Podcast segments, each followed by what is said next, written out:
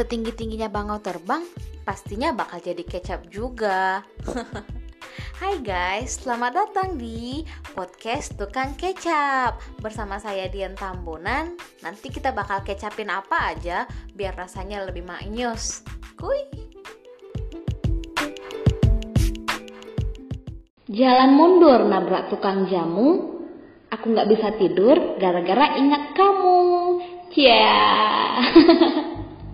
Receh Hai guys, aku udah balik lagi nih. Makasih ya kalian masih setia dengan podcast ini ya walaupun kemarin sempat macet. Love you guys, muah muah. Langsung aja nih ya, takis. Jadi, judul podcast ini masih berakar dari kematiannya George Floyd loh. Kalian masih inget kan George Floyd kasusnya karena apa? Iya, George Floyd ini Black American yang Sebenarnya kasus awalnya itu dia beli rokok. Dia pergi ke satu grocery, beli rokok dan dia kasih uang 20 dolar. Terus yang punya toko mengira, "Oh, ini bukan uang asli, ini pasti uang palsu." Jadi dia panggil 911, manggil polisi supaya datang dan memeriksa uang ini. Akhirnya mereka periksa dong Floyd. Tapi reaksinya polisi ini sedikit kurang tepat ya, memang nggak tepat banget deh dia letakin lututnya di bawah lehernya George Floyd sampai dia benar-benar nggak bisa bernafas dan meninggal.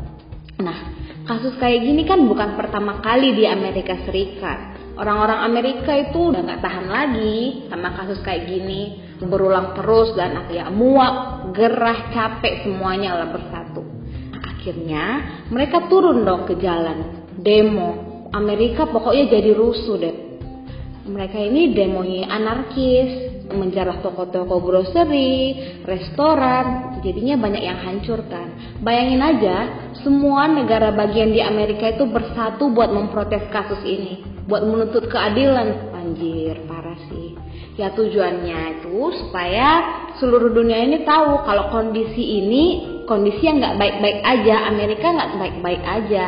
Makanya kalau kalian ingat atau mungkin kalian salah satu orang yang nge-share ya, ada hashtag Black Lives Matters di awal Juni kemarin. Masih ingat kan? Yang itu bahkan menjadi trendingnya dunia. Tapi walaupun kita semua sibuk dengan Black Lives Matters ini dan gimana caranya supaya rasisme ini berhenti, masih ada aja orang-orang yang kurang kerjaan yang menebarkan konten rasis, kekerasan, kebencian atau ada juga sih yang menyebarkan informasi yang gak benar di platform-platform sosial media ya namanya media sosial ya. Pasti ada aja orang yang ngeselinnya kan? Atau attention seeker atau mungkin dia punya kelainan kan? Ya banyak sih faktor yang menyebabkan orang nge-share konten-konten gak berguna kayak gitu. Nah di sini kasusnya Facebook itu dinilai nggak mampu memfilter konten-konten rasis dan kebencian ini. Maksudnya gimana?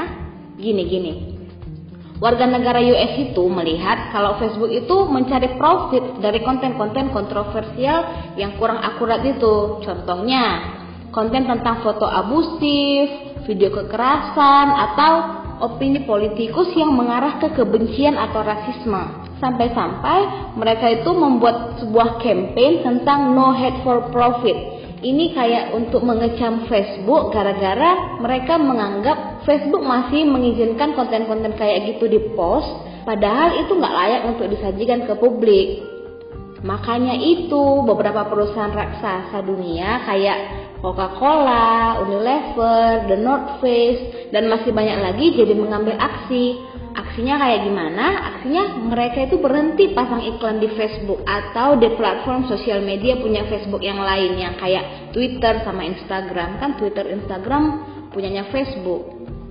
Tapi aku skeptis sih. Jadi seluruh dunia, eh, bukan seluruh dunia deh. Jadi Amerika itu merasa kalau Facebook ini salah.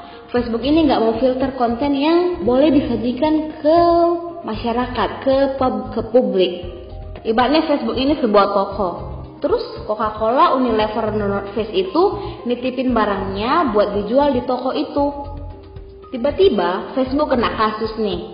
Bilang aja toko Facebook jual barang palsu. Nah, Coca-Cola dan Unilever yang notabene menitipkan barangnya di Facebook ya pasti menarik jualannya dari situ sebelum dikira menjual barang palsu, iya kan?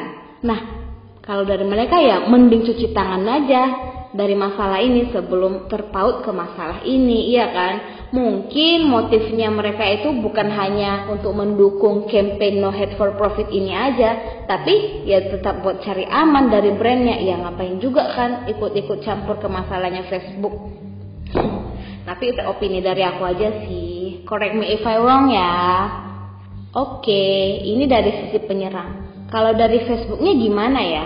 Kita kupas satu-satu. Facebook, for your information, mereka itu punya tim khusus untuk menganalisis video mana yang perlu diblokir atau mana yang nggak perlu. Jadi ada yang namanya search engine optimization. Search engine optimization ini ya kalau ada kata yang e, berhubungan dengan konten-konten kayak rasisme atau kekerasan atau kejahatan mereka bakalan periksa dan tontonin video itu satu-satu.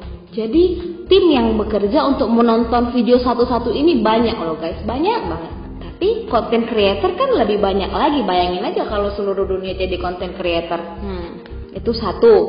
Tetap ada kemungkinan sih kalau konten-konten itu terlepas dari jangkauan um, reviewer video Facebook itu. Contohnya kayak gini deh gampangnya. Ada video judulnya makan kimchi di Korea. Tapi waktu kita klik isinya penembakan di Irak. Aku pernah loh kayak gitu. Jadi isi konten itu nggak sesuai sama judulnya. Clickbait gitu. Sering kan? Kalian juga sering lihat kayak gitu kan? Misalnya kita sekarang cari solusi nih Gimana kalau setiap post yang dibuat di Facebook itu kita mesti minta permisi dari Facebook sebelum post itu benar-benar dirilis di publik. Kalau kayak gini efektif nggak? Menurutku sih enggak, gara-gara ya bayangin aja kalau setiap detik ada orang yang nge-post. Ya kalau nunggu approve approve itu juga kan makan waktu, bukan solusi untuk user dan Facebook juga mungkin nggak mau ngerjain itu kan. Jadi ya bukan solusi. Atau isu lain, gimana dengan live video Facebook yang sekarang juga udah rame? Kan sebenarnya tujuan utama live ini supaya orang-orang yang gak hadir di dalam suatu acara bisa merasakan kebersamaan di dalam acara itu walaupun mereka terpisah jarak. Itu kan ya. Share the moment kan. Tapi ada juga oknum-oknum yang gak bertanggung jawab kayak ini nih. Ada orang live di Facebook jadi dia bakar monyet hidup-hidup, dikulitin, terus dimakan. Masa gara-gara kasus kayak gini yang mungkin hanya dilakukan 0, sekian persen dari pengguna live Facebook, live Facebook jadi jelek image-nya? Ya, sebenarnya ini salah siapa? Salahnya user atau salahnya Facebook? Masa Facebook yang disalahin lagi? ya mungkin ya Facebook memang harus ngeban video itu tapi setelah beberapa saat kan atau nggak boleh lagi gimana kalau misalnya live nggak diperbolehkan lagi nah lo aku yakin sih sebenarnya kasus kayak gini bukan hanya Facebook aja yang hadapi di platform sosial media lain mungkin banget kok kejadian kayak gini terjadi juga tapi kebetulan aja Facebook yang disalahin kali ini Ya, makin tinggi pohonnya, anginnya kan makin kencang. Sekarang kita tanya ke Facebook aja deh. What solution can you offer to us? Buat teman-teman juga hati-hati ya sebelum ngepost sesuatu.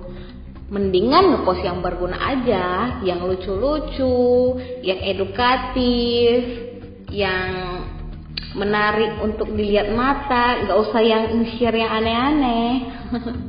Tetap jadi netizen di jalan yang benar ya teman-temanku. Stay safe. Bye bye.